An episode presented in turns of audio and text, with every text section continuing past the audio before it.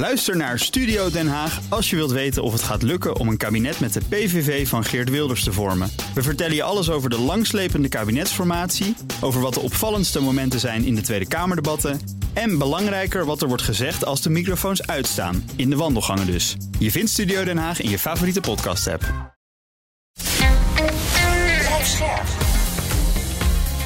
BNR Nieuwsradio. Napleiten.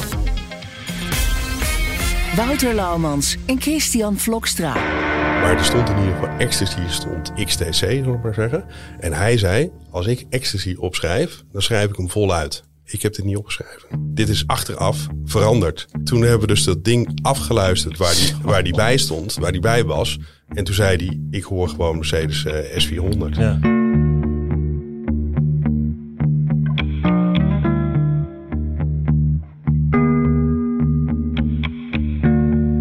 Hallo en welkom bij Napleiten, de podcast waarin we met advocaten praten over strafzaken die hen altijd zullen bijblijven.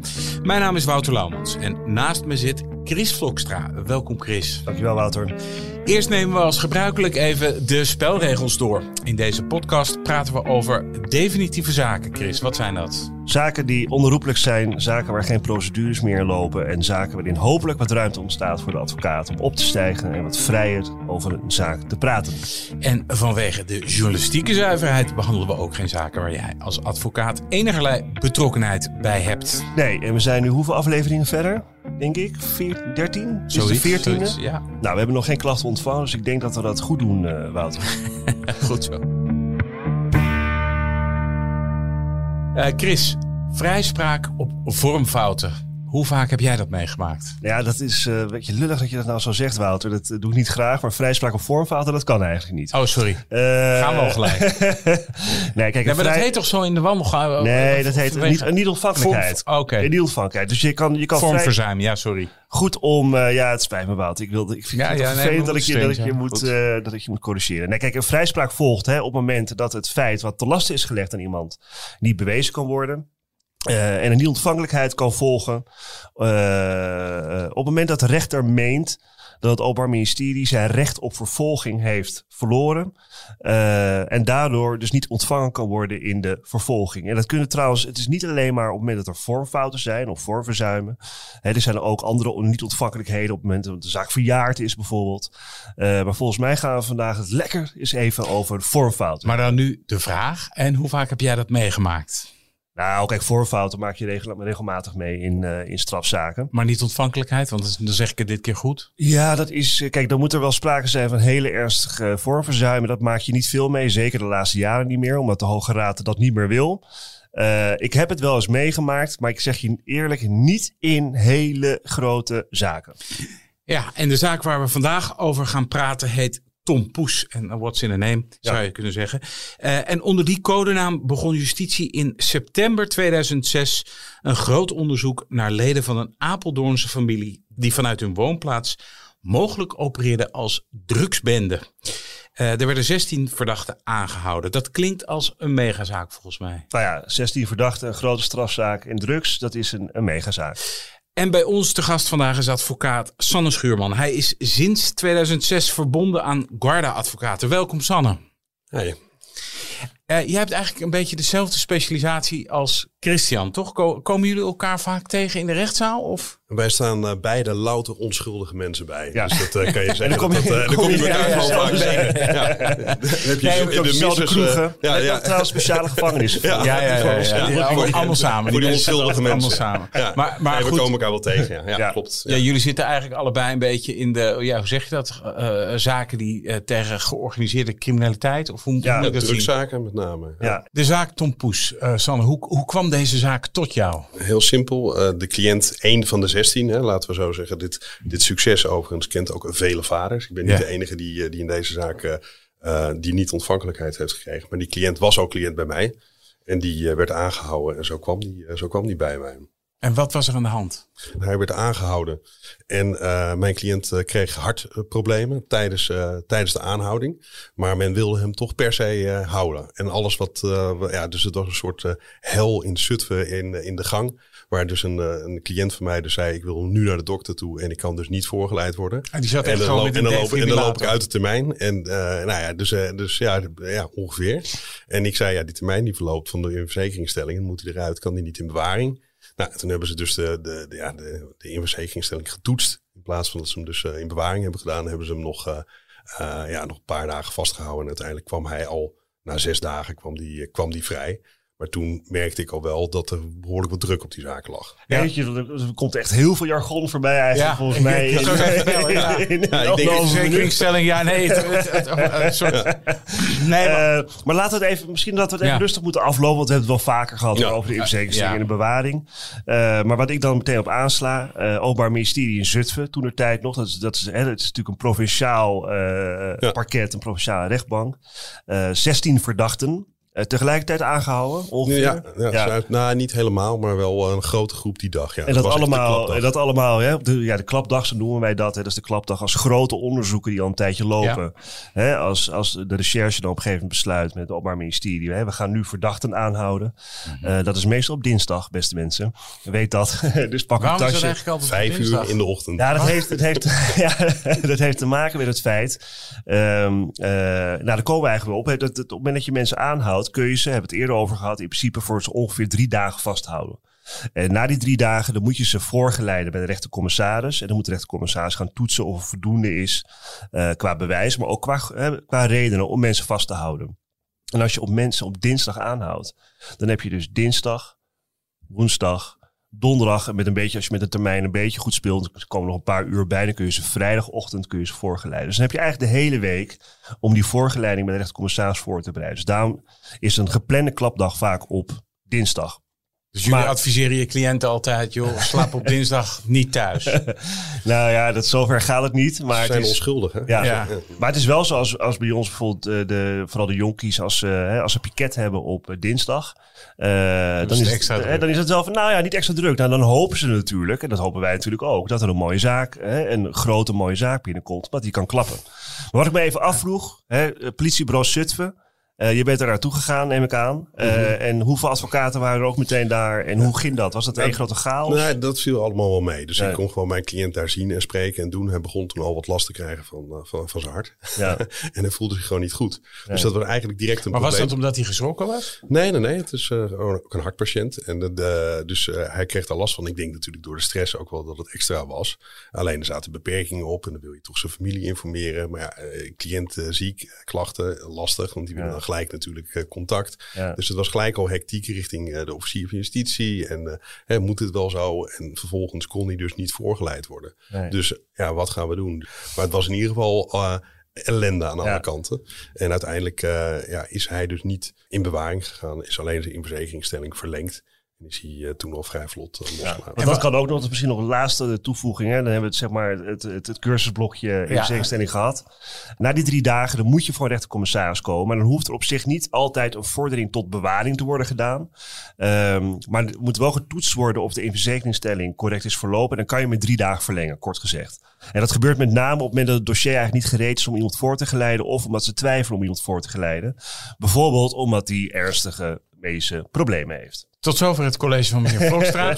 Ehm, wat lag er nou precies tegen jouw cliënt? Ja, dat was een verdenking dat hij betrokken was bij, eh, bij eh, wietkwekerijen. En eh, verdenking dat hij een wapen had, zeg ik uit mijn hoofd. Dat was ook nog aangetroffen. En het bijzondere van dit verhaal was dat er al eerder een zoeking bij hem was geweest. En daar, daar was ook, en bij medeverdachte ook, wapen aangetroffen. En ze werden niet aangehouden. Dus toen wisten we eigenlijk al dat er, eh, dat er meer aan de hand eh, was. Wat wat doen ze dan? Dan willen ze expres niet tot die voorgeleiding komen.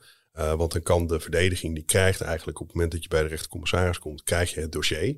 En dan zie je ja, hoe groot het onderzoek is. En dan is men bang dat het eigenlijke doel van het onderzoek, en dat is dus die Apeldoornse familie waar, waar je in de introductie over sprak, dat het eigenlijke doel op de hoogte is van het feit dat, dat zij eigenlijk target zijn. Dus dat, ze willen het onderzoek niet verstoren. Dus dit is eigenlijk, dat is dan dus tactiek eigenlijk? Ja. Maar dat zie je in reguliere straf. Dat is echt iets wel wat bij deze tak van sport hoort, Ja. toch? Klopt. Dat is dus eigenlijk eh, prik. eh, Het, is- het klinkt heel gek, maar ik heb het ook eens een keer meegemaakt. Bijvoorbeeld dat er een hele grote partij in beslag genomen werd. Drugs. Dat eh, drugs in beslag genomen, iets van 5000 kilo.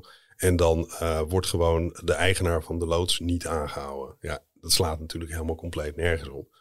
Dan weet je dat ze, dat ze meer weten. En eigenlijk lijkt het er dan op dat na zo'n aanhouding justitie gaat kijken, ja, wie raken er allemaal in paniek. Dus dan liggen de hoofdverdachten onder de tap. Of ze vermoeden dat andere mensen erbij betrokken zijn. Nou, dan doen ze een aanhouding of een inval ergens. En dan vervolgens houden ze even lekker niemand aan. En dan gaan ze kijken eh, naar, wie je, naar, wie je, naar wie je gaat, wat je gaat doen. Hoe de hazen lopen. Hoe de hazen lopen, ja. Ja, En dat was in deze zaak dus ook gebeurd. Ja, dat was althans, dat dachten jullie op dat moment. ja, dat had ik op zich al wel verwacht. Maar het gaf ons natuurlijk een heel mooi argument. Want dat weet ik is ook wel een argument dat je natuurlijk eh, al een keer eerder... dat ze gezien hebben dat je dus betrokken bent bij... eh, en dat je een wapen zou hebben. En je gaat vervolgens iemand een half jaar daarna voor dat feit aanhouden. Dan kan je zeggen, ja, maar waarom zou je diegene dan niet in vrijheid zijn proces af laten Ja. wachten? Want blijkbaar is het niet zo erg hè, dat je hem direct moet vasthouden. Ja. Dus je begint al direct met een, met een goed argument om te zeggen, nou, die bewaring die moet niet doorgaan, eh, laat hem er maar uit. Even voor de duidelijkheid, want eh, los van het wapen was het de verdenking grootschalige wiethandel. Wiethandel, criminele organisatie. dat Kweken, soort, de eh, hele, ja, de hele rattenplan. Ja. En dat was door de hele Apeldoorns familie in, zeg maar, in de periode 2005, 6. ja, dat liep vanaf 2005 tot en met 2007. Toen waren, de, toen waren de aanhoudingen. En het bijzondere daarvan was, we hadden zelf al direct het gevoel dat het voor geen meter klopte. Die, dat hele onderzoek eh, niet. Die verdenkingen die waren heel groots opgezet. Eh, maar ja, eigenlijk gaven onze cliënten al aan, joh, het is allemaal niet zo heel erg eh, heftig en zo heel erg groot. Maar En dat vertelt zo'n cliënt van... Wat vertelde jouw cliënt dan? Nou, mijn cliënt zegt, joh, we slaan het allemaal op. En, eh, ik ja, heb, maar dat ik heb er niks mee te maken. Maar ja. ja, Ja. Ja, maar dat is, ja, dat, dan komen we weer in de categorie... Ik heb helemaal nooit wat gedaan, joh. ja, nou ja, Maar, daar- zegt wil, komt maar een beetje- wil jij dat ook weten van een cliënt? Wil jij echt weten wat er aan de hand is? Of zeg jij van, joh, jij vertelt me een verhaal en daar mee ga ik werken? Nou, kijk, weet je, dat, dat is wel vaak. Kijk, op het moment dat je een cliënt voor het eerst ziet, en, eh, eh, dan ga je niet eh, zeggen: heb je het wel of heb je het niet gedaan? Dan zeg je: joh, weet je, dit staat, dit staat erop. Hoe denk je dat ze erbij komen dat jij dat eh, gedaan hebt? Hè? Wat, wat, wat denk jij wat er aan de hand is?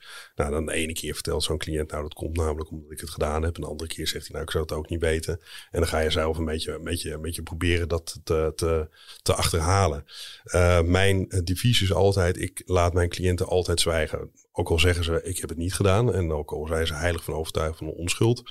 Omdat je namelijk nooit weet wat er in het dossier staat. Dus als jij zegt van nou, hè, je beantwoordt de vraag, waar was je gisteren? En dan zeg je nou, ik was bij de Albert Heijn.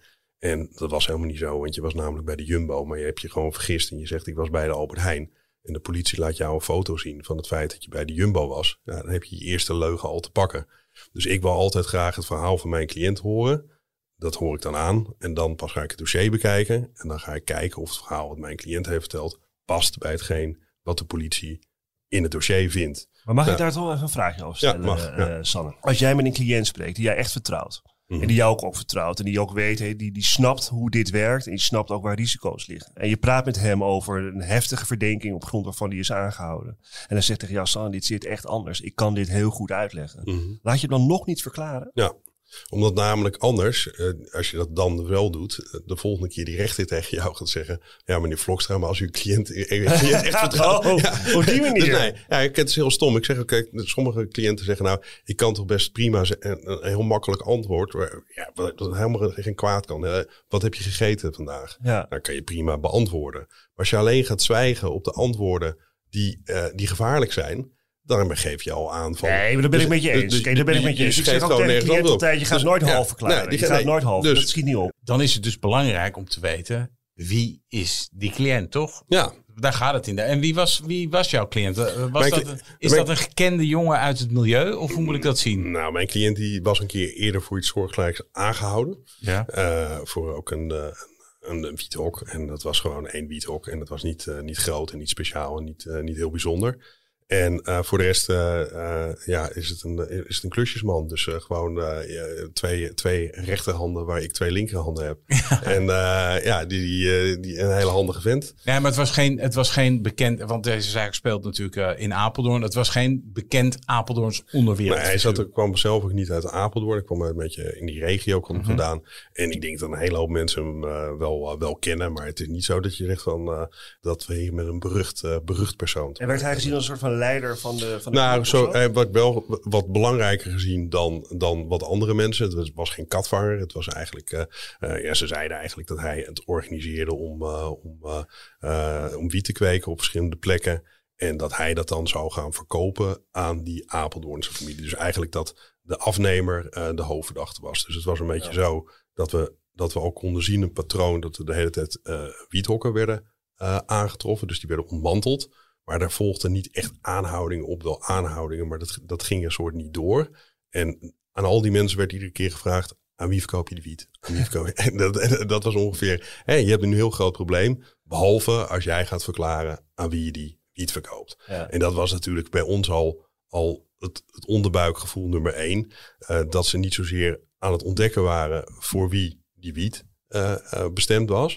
Maar dat zij wilde dat iedereen zei dat die wiet voor bepaalde mensen bestemd was. Ja. En dan wordt het natuurlijk gewoon niet zozeer proberen de misdaad op te lossen. Maar dan probeer je eigenlijk een, een misdaad bij jouw dader te vinden. Dus eigenlijk vonden zij dat die Apeldoornse familie fout was. Dat was een soort in de hoofden van die rechercheurs gekopen. En zij gingen nu het bewijs erbij zoeken dat dat ook zo was.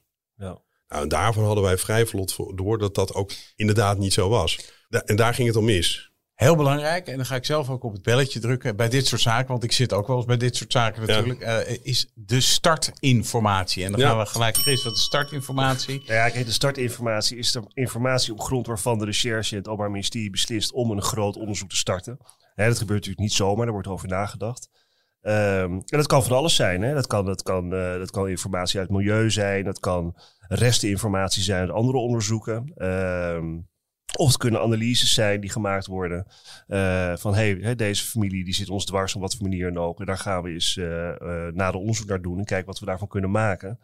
Um, en het punt wat, wat Sanne omschrijft, dat zie je wel vaker. Ik zeg heus niet altijd, maar dat zie je wel eens vaker. Hè? En dat is natuurlijk op een gegeven moment ook too big, too veel. Dus op het moment dat je een groot onderzoek start naar iets, hè, naar een familie, naar een, een, een, een, een, een, een groep van personen omdat je denkt, meent uh, uh, dat daar ernstig strafbare feiten wordt gepleegd. En je vindt het niet in eerste instantie. Dan zo'n onderzoek is lastig weg te gooien. Snap je wat ik bedoel? Je gaat niet een groot onderzoek opeens bij de politierechter aanbrengen.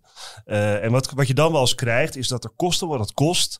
Ja, dat onderzoek gevuld moet worden met inhoud om zeg maar, de start van het onderzoek te rechtvaardigen. En wat was de startinformatie in dit onderzoek? Ja, de startinformatie was dus allemaal MMA of of TCI-informatie, zoals je het noemt. ook weer terug. Ja, ja. ja maar het is meld misdaad anoniem. Ja, hè? Dat zijn gewoon dat burgers, dingen, en criminelen die elkaar kunnen wegtippen via de anonieme tiplijnen. Dat doen ook vooral criminelen naar elkaar toe. Dat moet men weten. Of je gaat naar de TCI en dan word je informant en dan vertel je het aan een TCI en dan komt het in een verbaal en dan heb je een TCI-verbaal. Dus is, tips aan de geheime dienst. Tips aan de geheime dienst van de politie. Eigenlijk waren het gewoon anonieme meldingen, zo moet je het zien. Mensen die dus verklaarden over die familie.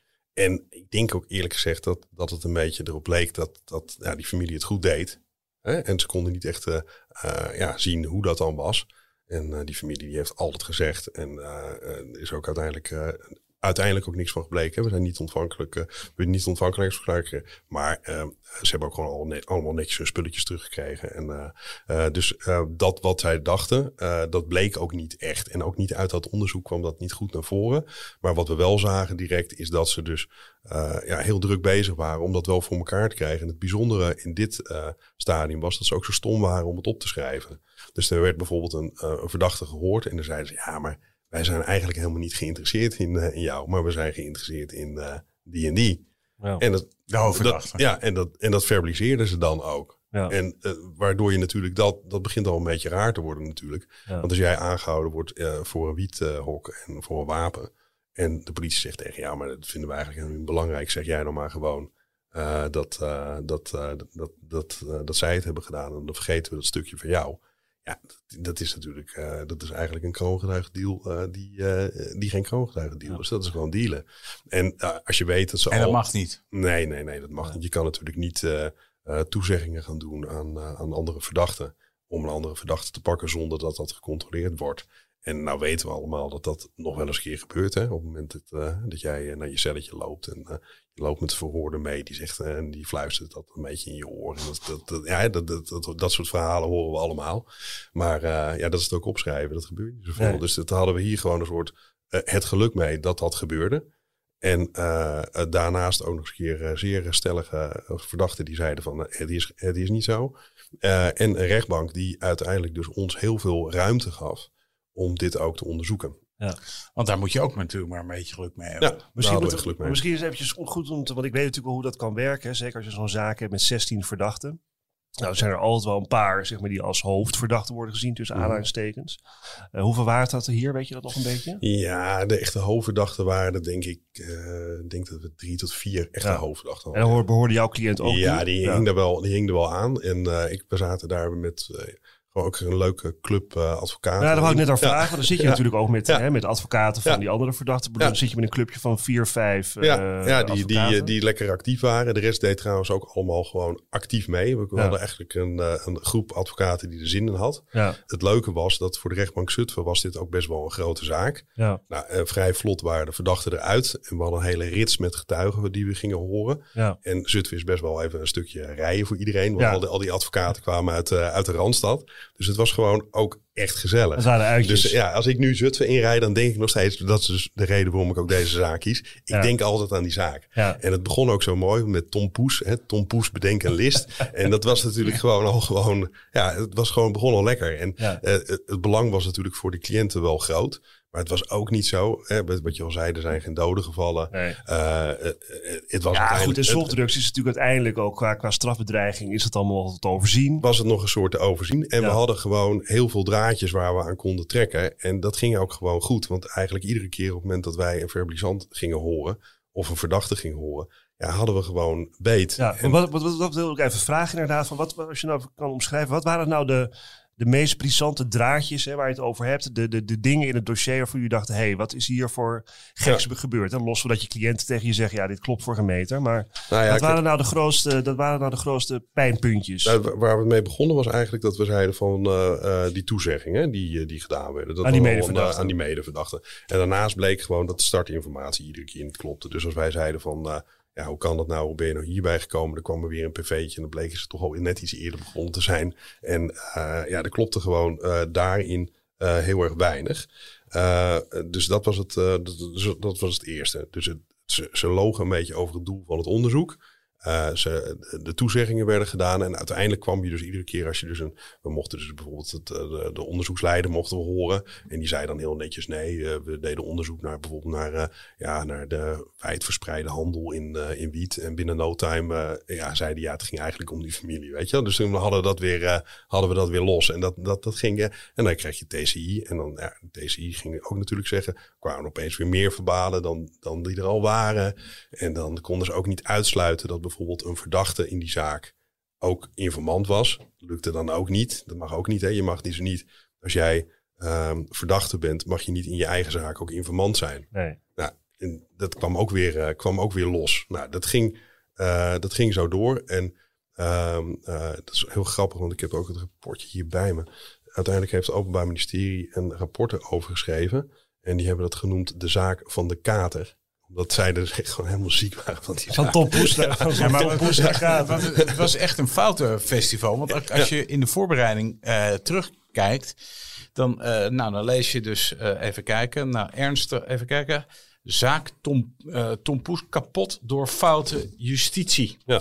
En dat het echt wel een fout... Het is niet één fout of zo geweest, maar het is meer een soort foute, fe foute, festi foute festival. Het was een foute festival. En dat was op zich ook het mooie, want dat was het hele leuke, vond ik dus, waarom ik me ook me herinner, is dat we dus als advocaten dus ook goed samenwerkten en op een gegeven moment ook gingen, uh, we gingen pleiten eigenlijk voor die niet-ontvankelijkheid. En dat hadden we gewoon opgedeeld met z'n allen. Dus ieder had een stuk gepakt en dat ging achter elkaar door en we stoten bij elkaar aan. Ja, ja het is niet normaal. Kijk, het is normaal. Kijk, het is, het is wat rechtbanken natuurlijk heel graag willen. Ja. Uh, je hebt een bekende rechter in Rotterdam, uh, Jacco Jansen. Die ook al veel uh, cursussen geeft aan advocaten, die, die daar al te groot voorstander van is. Um, en het kan natuurlijk ook wel, het is natuurlijk ook fijn. Maar het is heel lastig soms, want je moet wel allemaal dezelfde belangen hebben. Uh, je moet daarnaast ook nog, weet je wel, op een persoonlijke manier wel lekker met elkaar kunnen omgaan. En je moet elkaar kunnen vertrouwen. Hè, want ik kan wel denken van, hey, uh, die, ja, in geval van Sanne zou ik zeker vertrouwen. Maar hè, Pietje Puk, die gaat dat deel van het verweer doen. Maar ja, ik weet eigenlijk niet hoe hij dat wel zo goed kan doen, weet je. Dat, kan, dat doe ik liever zelf. En dat hangt ook heel erg van je cliënt af. Hè? Want broer, je cliënt moet er daar ook oké mee zijn. Dat hij eigenlijk, hè, dat je met z'n allen optrekt in zo'n zaak. Ja, maar dit was een, een, een, een groep advocaten waar jij ook wel vaker uh, dit soort uh, samenwerkingsverbanden, hoe moet ik dat zien? Nou, kijk, je, het is altijd gewoon lekker om met mensen te werken inderdaad. Bijvoorbeeld, die, die je goed kent, die je kan vertrouwen neem even voor me waar. Uh, ik denk hier erover die kritisch naar je kunnen zijn, maar die ook je zullen steunen. Dat is echt heerlijk op het moment dat jij bijvoorbeeld de goede vraag vergeet te stellen. Uh, dat die ander die nog stelt. Maar ja. wat ook heel belangrijk is, soms heb je bijvoorbeeld een bepaald verhoorplan. Uh, en uh, dat niet iemand even dan tussendoor gaat en dan net die vraag die jij niet wilde stellen, maar helemaal aan het einde wilde doen, ja. dat die er nog even lekker in uh, ja. kuilt. Ja. dus, dus als je elkaar daarin vertrouwt, dan kan je elkaar goed aanvullen. En op een gegeven moment heb je natuurlijk wel advocaten waarmee je gewoon lekker samenwerkt. Maar jullie werken best wel veel samen, toch? Jij, Louis Leon en Arne Kloosterman en zoiets. zeker. Jullie treden veel samen op. Ja, en wat wij dus doen is, we doen het vaak expres, omdat ik niet, uh, het, of tenminste, ik vind het lastig om het met mijn kantoorgenoten op zitting te staan, uh, uh, met z'n drieën in één zaak te zitten. Ik vind het lekkerder op het moment dat dat niet zo is. En als Waarom? je eigenlijk wisselt naar elkaar. Want daar heeft Chris geen last van. Ja, dat weet ik. Nou, ik dat, ja, dat doen we niet meer. nou, maar of je er wel. Oh, je bent vals vandaag. ja, ja, ik ook hoor. Het, het is, het, we hadden een leuk groepje advocaten. Dus, en het was dus zelfs zo dat, dat omdat we er dus hele dagen in dat Zutphen zaten, die RC die, die ging ook gewoon door, want die wilden het, wilden het afronden. Dus was het gewoon, uh, s'avonds lieten de pizza's komen. Dan zaten we op het kabinet SC uh, met de getuigen en, uh, en, en de rechtercommissaris pizza te eten. Terug naar de zaak, want daar zit een soort, ja, hoe zeg je dat, PME's moment in, hè? Een ja. telefoontap. En, ja. en hoe ging dat? Ja, dat? Dat is dus niet mijn ontdekking geweest. Oh. Maar dat, de, de, de, ja, de, laat ik het zo zeggen, die cliënten die lazen ook gewoon alles. Dus dat was ook top. Want op het moment dat je een cliënt hebt die, die meeluistert, dan op mij kijkt, dan is dat, uh, ja. is dat fantastisch. En op een gegeven moment ontdekte dus iemand dat, uh, uh, ja, dat er in een telefoontap gesproken zou zijn over ecstasy. En nou ja, als jij niet in ecstasy handelt, dan weet je dat Dit je is niet, niet over de telefoon over ecstasy praat. En dan moet je het een beetje zo zien. Dan zal ik maar gelijk proberen het een beetje technisch uit te leggen op het moment dat jij een telefoontap uh, uh, machtiging krijgt voor een telefoontap, dan verloopt op een gegeven moment uh, verloopt die machtiging en dan mag je dus niet meer tappen. En dan moet dus de politie aankomen met bewijs, aanwijzingen, dat het zinvol is om die tap door te zetten. Dus ze moeten wat, wat vinden, leveren. ze moeten wat, wat leveren. Ja. Er moet wat komen. Nou, uh, dat uh, is uiteindelijk uh, is er een, is er een gesprek geweest en daar zou gevraagd zijn naar ecstasy-handel. Nou, en die. dat, hebben ze, dat hebben ze als grond gebracht om die tap ja, te verlengen. Dus dan moet je, het, dus moet je het een beetje zo zien. Dan, dan moet je dus echt het dossier goed lezen. Dus voor alle stagiaires die luisteren, lees het dossier goed. Het kan wat opleveren. Lees echt het dossier. Ja, de Want. Dan, dan ga je dus de bobstukken lezen. En dan ga je dus de aanvragen voor de tapmachtigingen lezen. Nou, dat is wel een, een, een dingetje. De bobstukken, dat zijn de bijzondere opsporings... Ja, uh, dankjewel Sanne. Ja, dus, uh, de, dus de middelen eigenlijk die ingezet worden... Uh, tegen verdachten, dus wat mag, dus strafvordering, dat is echt wel een beetje. En dan kom je ook echt wel een beetje in onze hoek terecht. Dus, hè, de haarvaten van de De haarvaten van, dan wordt, het, uh, dan wordt het niet meer feitelijk, maar dan wordt het dus formeel. Hè? En daarom noemen ze het ook vormfouten. Maar dit is natuurlijk geen vormfout. Hè? Laat, ik ga dat zo meteen nog wel uh, erop zetten. Kijk, dan wordt er dus een aanvraag gedaan om dus dat middel in te mogen zitten. Nou, die stukken, dat noemen ze bobstukken. En die bobstukken zijn een soort niet te lezen. Dat, is, dat zijn al die aanvragen van al die machtigingen met allemaal papiertjes en handtekeningen. Ach, dat, gaat, dat gaat ook, ook nog verkeerd. En het is ook nog eens een keer zo dat op een moment, en even voor de luisteraar, nee, het is niet zo als we, als we niet tijdig dat ding aanvragen, dat gelijk niks meer geldt, want dan stappen ze rustig overheen. Ja. Als je Ja, ja. dus twee dagen langer de tap hebt laten doorlopen, terwijl het Maakt mocht, en je bekent dan een moord, ben je gewoon de pisang. Want dan eh, Ja, ja. eh, zeggen ze, ja, nee, nee, nee, ja, het is wel een vormfout, maar eh, daar verbinden we geen consequenties aan. Maar wat er in dit geval dus was gebeurd, die verdachte had dus de aanvraag gelezen voor de machtiging van zijn telefoon. Nou, dat, dan ben je goed aan het lezen. En die had gezegd, ik kan never nooit ecstasy gezegd hebben. Dus wat hebben we gedaan? We hebben die tap opgevraagd, die is opgevraagd. En toen bleek dus dat dat ook helemaal niet gezegd werd. Maar toen bleek dat het ging over een S400, een Mercedes S400. Nou, dat lijkt ook niet op ecstasy. En dat Hoe kon dat? Heel duidelijk uh, te horen.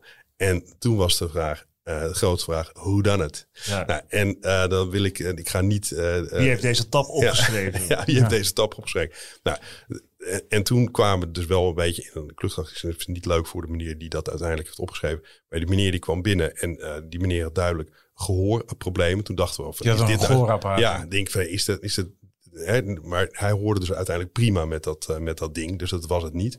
Maar zijn, zijn, zijn naam, die had ook nog. Uh, ja, die, die, die sloeg ook nog op telefonie. Ik ga niet zeggen hoe die heet hier nee. op de, uh, de, de, podcast. Maar ja, ja dus, het, dus het was een soort. We moesten al een soort lachen toen, toen, toen het ging beginnen.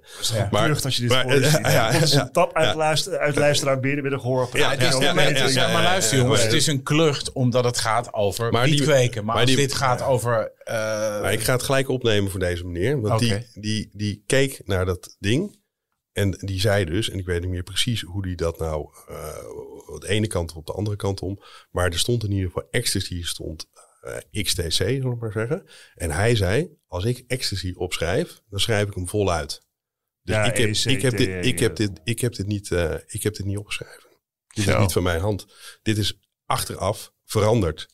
Oh, wauw. Toen hebben we dus dat ding afgeluisterd waar die, waar die bij stond, waar die bij was. En toen zei hij, ik hoor gewoon Mercedes uh, S400. Ja. Dus die man die, uh, die, uh, die zei echt zo, die voelde zich dus ook echt. En ik denk ook echt dat deze beste, die was in de, echt in het pak genaaid. Ja. En wat hebben jullie toen gedaan? Gelijk de pers gebeld? Of wat, wat, wat, nou, uiteindelijk is de pers gebeld. Hoe dat precies is gaan werken. Ja. Ik, ik, degene die het ontdekt had, zat niet iemand van het groepje. ja, ja. Maar welke krant verscheen? Want nee, dit gewoon, is natuurlijk wel een soort verhaal waarvan NO, je denkt... NOS Journaal gewoon. Ja, ja. Nee, die kwam gewoon, uh, kwam volle bak. Uh, ja, dat, was, dat kan natuurlijk gewoon niet. Maar dit was echt de klapper die de Dit was de klapper, ja. Dit was gewoon, uh, ik denk dat dit zonder deze, hè, want uiteindelijk heeft de rechtbank gezegd dus dat al die vormverzuimen bij elkaar uh, voldoende was om die hele zaak uh, kapot te trekken. ja, er waren ook nog afgeluisterde gesprekken tussen klant en advocaat. Ja, geheimhouderstukken, die ja. werden er gewoon in. En daar was ook heel slordig mee omgegaan, want dan was er dus een geheimhouderstuk. Het was niet per se advocaat hoor, maar dus ook bijvoorbeeld uh, afspraak bij de dokter, gesprekken die wat minder relevant waren, maar wel allemaal gewoon hupsakee gebruikt, in het dossier gehouden. Voor iedereen ook toegankelijk gebleven. Heel onzorgvuldig mee omgegaan. Je had die toezeggingen richting die, uh, richting die klanten. het was uh, één grote. ja, het moet toch ook voor zo'n officier van justitie. Ja, ik weet hoe dicht de officier van justitie, want die leidt in principe het ja, ja. onderzoek. Maar ja, die is ook niet elke dag bij, zeg maar, nee. wat daar gebeurt. Dat moet wel een leidensweg zijn geweest ook, of niet? Dat denk ik wel, ja. Maar zij waren er zelf nog heilig van overtuigd dat ze het konden, uh, konden redden. Ja. En toen is eigenlijk voor de inhoudelijke behandeling hebben we gewoon preliminair verweer aangevraagd. Ik heb nog nooit zoveel belletjes afgedaan. Wat is nee, een preliminair verweer? Een preliminair verweer is een verweer dat je kunt, uh, een verweer dat eigenlijk vraagt om de zaak niet ontvankelijk te verklaren. Ja. En uh, dat de rechtbank, waar de rechtbank op kan beslissen zonder de zaak inhoudelijk te behandelen. En de preliminair betekent dus eigenlijk dat het... Een verweer voor, voor het verweer. Voor, het inhoudelijk, voor de inhoudelijke ja. behandeling een verweer. Omdat de rechtbank zonder dat ze die zaak verder hoeft te behandelen... al op dat verweer kunnen beslissen. Ja. Uh, en als jij dus inderdaad een opeenstapeling, opeenstapeling hebt van vormfouten... heftige vormfouten in onderzoek... dan kun je er dus voor kiezen als verdediger. Om te zeggen dat gaan we preliminair voeren. Uh, en dat wil de rechtbank ook vaak. Hè? Zeker als het echt een groot het issue in de zaak tijd, is. Natuurlijk. Het scheelt ja. een hoop gedoe. Want dan weet je gewoon waar je aan toe bent. Ja. En dat hebben jullie met. Dat was natuurlijk. Uh, dat was een schitterend preliminair verweer. Dat, dat was dus mooi, want we hadden dat dus een soort. Eigenlijk kon het natuurlijk ook niet, denk ik, omdat die zaak voor was geweest. En terugverwezen naar de rechtercommissaris. En dan zou je eigenlijk al te laat zijn. Hè? Want, uh, ja, preliminair verweer moet eigenlijk ja. helemaal aan het begin. Maar ja, goed, ja, je weet dat het zaken gaat daar. Maar die rechtbank ja. die zei, nou, we gaan daar eens even de tijd voor nemen. En dat is natuurlijk al, al in eerste instantie. Ga je dan al het gevoel krijgen ja, dit gaat, uh, dit gaat, Ze dit gaat lukken. Ze nemen het ja. serieus. En we hadden natuurlijk ook echt wel wat. En uh, toen hadden we dus inderdaad de volgorde van, van pleiten afgesproken. We hadden dus allemaal stukjes uh, gedaan. ieder, zijn, ieder zijn ding. de publieke tribune zat vol. Het is daadwerkelijk de enige keer dat ik het mee heb gemaakt. En dat het ook maar dan na een stuk eh, pleiten, ging men gewoon applaudisseren op de... op de Een hele, een hele Ja. Apeldoornse stamboom. eh, Er, werd- er, er gejoeld op, de, op, de, op dat ding. En vervolgens zou, dus in de middag zou er dus eh, eh, eh, ja, uitspraak gedaan worden. En wij zaten dus echt met z'n allen in het café. Dus eh, waar we al, al die tijd al natuurlijk hadden gezegd. Zat u ook al zaten aan het allemaal bier? te wachten met iedereen. eh, nee, natuurlijk niet. We Nee, moesten terugrijden. En, eh, Nee, oké. nee, dus het was heel braaf allemaal. Maar eh, nee, dat jullie was, zijn dus wel dat een was soort Polonaise uit die- redelijke eh, opgelaten sfeer. En vervolgens eh, werd dus de, inderdaad de niet-ontvankelijkheid eh, uitgesproken. En toen hebben we een hele bedrukte gezichten. zijn we heel serieus naar buiten gelopen en naar buiten weg. reacties gegeven aan de camera's. Schande dat dit gebeurd is. Maar goed, hebben gewoon gereageerd. Ja, toch wel, toch wel een juich-jubel momentje. Ja. Ja. Het is wel, het is wel inderdaad. Maar heb je dit later ooit nog een keer zo meegemaakt? Nee, wel heel vaak geprobeerd. Ja, het, het komt nu ook nauwelijks meer voor. In de, in de huidige tijd denk ik dat je zelfs in zo'n geval... En wat dat vereist ook de Hoge Raad. De Hoge Raad vereist tegenwoordig dat je bij elk vormverzuim gaat kijken welk nadeel, hè, welk eh, verdedigingsbelang van de verdachte in kwestie Mhm. eh, is hierdoor geschaad. Je kent de bekende Hells Angels zaken, acroniemzaken uit 2007. Waarbij eigenlijk een paar geheimhoudersgesprekken leidden tot, tot de ontvankelijkheid van de hele zaak tegen al die Hells Angels. Nou, hier een opeenstapeling van. Dat ga je nu niet meer zien, want de, de, ze gaan het dan per vormverzuim gaan ze langs gaan ze kijken wat is het daadwerkelijk nadeel geweest. En dan blijft nog steeds een zaak over en daar gaan ze het op afdoen. Dat was, was Eh, natuurlijk ook een tijd lang wel een beetje het, het imago van ja, je komt wel vrij op een paar vormfouten. Ja, maar dat is eigenlijk onterecht hoor. Want dat was eigenlijk ook al heel lang niet meer zo. En het slaat nu door. Hè? Het, is, het is niet meer dat. dat, dat eh, we worden niet meer beschermd eigenlijk tegen, tegen eh, onrechtmatig open optreden. Ik zie Sanne van knikken. de overheid. Eens. Maar dat is echt zo. Kijk, en op het moment dat je niet meer beschermd wordt. en dat er, kijk, ze constateren het nog wel. Ze zeggen wel foei, maar ze, hè, ze verbinden er geen gevolgen meer aan. Niet, qua niet-ontvankelijkheid of bewijsuitsluiting of strafvermindering. En wat je dan krijgt, dat is net als met kinderen, Wout. Bedoel, jij hebt ook kinderen. Hè, op het moment dat je ze af en toe niet de consequenties laat aanvaarden van hun foute handelen, dan gaan ze dat foute handelen gewoon doen. En sterker nog, ze gaan het uitbreiden. En dat is wat je, wat je dan gaat krijgen. Ja. En dat is, En- ja. En de vraag is natuurlijk, kijk, mensen, het publiek denkt vormfout. Ja, Maar dit is natuurlijk geen vormfout. Dit is gewoon eh, De boel belazeren. de boel belazeren. ja. En eh omwille eh, iemand iets in de schoenen schuiven wat hij niet gedaan heeft. Eh, dus dat, dat slaat natuurlijk helemaal compleet nergens op. En op het moment dat jij een verdachte een soort aanbod doet om onder zijn zuik uit te komen, als hij dan iemand die je op voorhand al hè, vindt dat die genaaid moet worden, eh, een oor aan naait.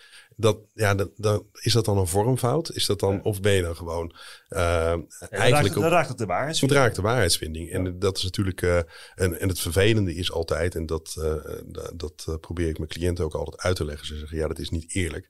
Maar het Openbaar Ministerie doet dit natuurlijk altijd vanuit een bepaald rechtvaardigheidsgevoel. Hè? ja. Eh, dus ze denken altijd van wij zijn de goede rikken. Die Wij hebben de witte slechte, wij hebben de hoed. En het lukt ons niet op een eerlijke manier. Maar het is wel heel belangrijk dat de boel vast komt te zitten. Dus doen we het op een oneerlijke manier. En dat is een heel groot gevaar. Want als je dat maar toelaat. En dan eh, eh, overdrijf ik op het moment dat ik het zeg. Maar dat was natuurlijk uite- uiteindelijk ook de Spaanse Inquisitie. Die gingen natuurlijk mensen martelen om eh, te- te laten bekennen dat ze. Hè, de- de- uiteindelijk Dat klinkt een beetje overdreven, maar ik snap, ik snap het- je het- punt. nee, het is overdreven. Het, het, Ja. het slaat ook nergens op. Maar uiteindelijk, als je dus het niet sanctioneert, als je dus niet als rechter zegt: dit mag niet. En als je dit doet, verspil je je recht om iemand te vervolgen. Dan zullen zij vanuit hun gevoel van wij doen goed. eh, de neiging hebben om het, eh, om het voor zichzelf goed te praten. Sander Schuurman, enorm bedankt voor dit verhaal en voor je komst eh, eh, naar de studio. Graag gedaan. Dit was Napleiten. De uitspraak in deze zaak kunt u nalezen op rechtspraak.nl. Mijn naam is Wouter Laumans en naast me zit co-host advocaat Christian Vlokstra. Deze podcast is te beluisteren op Apple Podcasts en Spotify. Vergeet u vooral niet te abonneren, dan bent u op de hoogte als er een nieuwe aflevering online staat. Tips kunt u sturen naar napleiten.gmail.com. Verder zijn we uiteraard te volgen op Twitter en Instagram. Dank voor het luisteren en graag tot de volgende keer.